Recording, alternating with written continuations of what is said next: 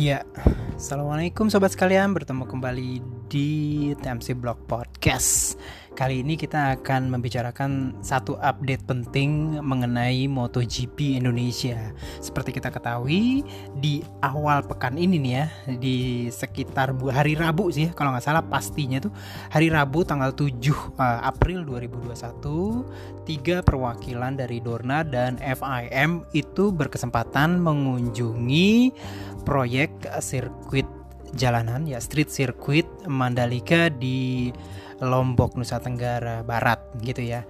Itu ada Carlos S. Peleta gitu ya, salah satu jajaran petinggi dari Dorna, lalu ada Franco Uncini selaku safety officer dari FIM dan juga hadir um, Loris uh, Capirosi dari Race Direction ya, perwakilan dari Race Direction dari MotoGP sendiri. Nah, mereka melakukan inspeksi pengecekan dan uh, pada dasarnya walaupun menurut beberapa pihak kondisi uh, proyeknya itu sekitar masih 50-an persen gitu ya 50-an persen.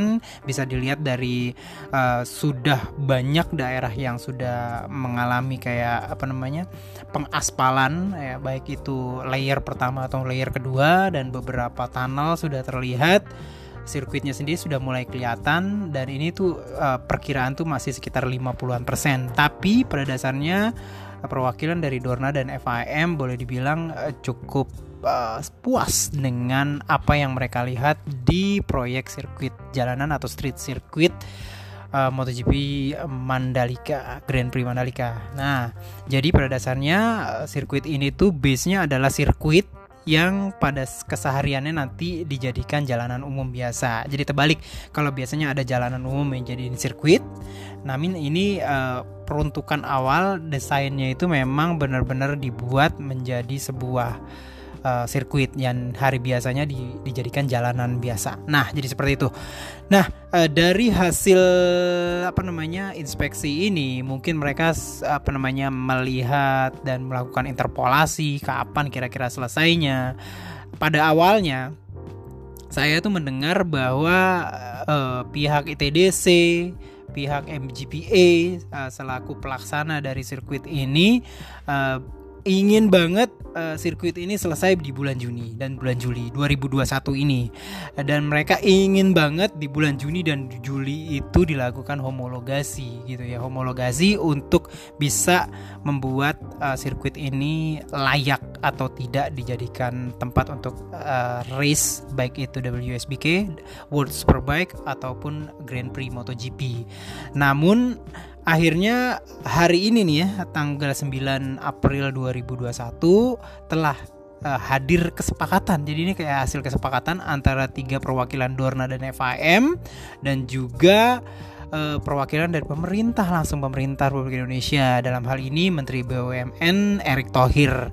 Pada dasarnya mereka kalau dalam informasi resmi yang saya peroleh dari Dorna itu mereka itu uh, bersepakat. Jadi pada pada dasarnya bersepakat untuk apa namanya nih coba kalau saya baca ya bersepakat untuk melaksanakan gelaran FIM MotoGP World Championship Grand Prix di track ini, di track Mandalika Street Circuit ini pada paruh pertama musim 2002. Pada prinsipnya sekitar bulan Maret 2002. Kalau saya melihat artinya Mandalika akan di set up seperti layaknya uh, rencana awal Buriram waktu itu yang mau ditaruh di awal musim. Jadi memang pada dasarnya biasanya race-race uh, luar uh, Eropa itu ditaruhnya kalau nggak di awal musim atau di akhir musim. Kenapa bisa kayak gitu? Karena di awal musim dan di akhir musim itu di Eropa itu kritik banget, kritis banget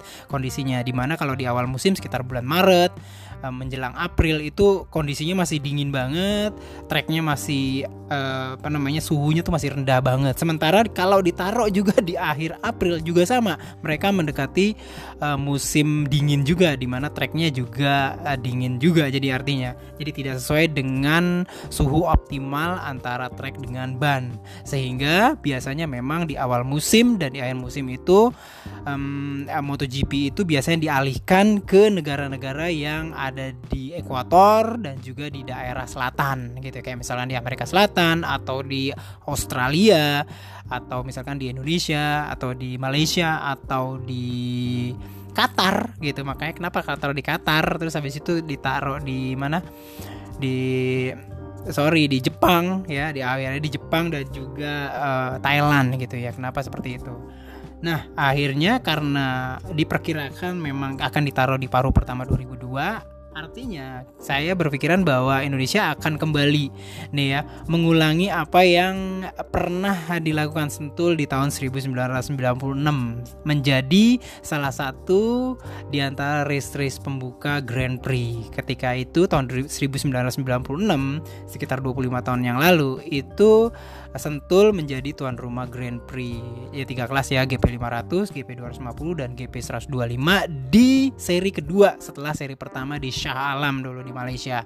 Nah, kita nggak tahu di 2002 2022 ini kita uh, sirkuit Mandalika ini akan masuk ke seri keberapa.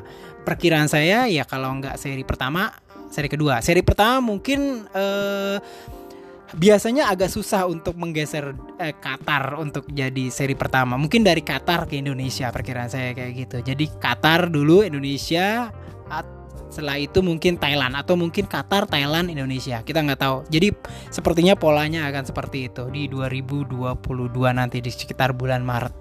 Nah, jadi itu aja teman-teman sekalian. Jadi fix ya, tidak ada perdebatan lain, tidak ada perdebatan mengenai arti kata reserve mungkin. Jadi ini artinya apa? Karena uh, belakangan ini tuh ini menjadi uh, apa namanya perdebatan antara kata reserve yang pernah dirilis oleh Dorna dapat diartikan menjadi cadangan atau cadangan dengan apa namanya dengan spesialitas khusus sehingga ya uh, denger-denger sih bisa milih ya, tanggal sendiri kayak gitu. Cuman ini udah udah close book banget. Jadi kita udah close book mengenai masalah perdebatan ini. Jadi kita fix sekarang MotoGP Indonesia kita siap-siap untuk Maret 2022. Jadi sekitar 11 bulan dari sekarang. Oke, gitu aja teman-teman sekalian. Kita tetap berusaha untuk baik dan juga menjadi tuan rumah Grand Prix yang baik. Ini juga menjadikan sebuah uh, apa namanya kesempatan bagi kita untuk mempersiapkan uh, diri cukup lama hampir 11 bulan ke depan baik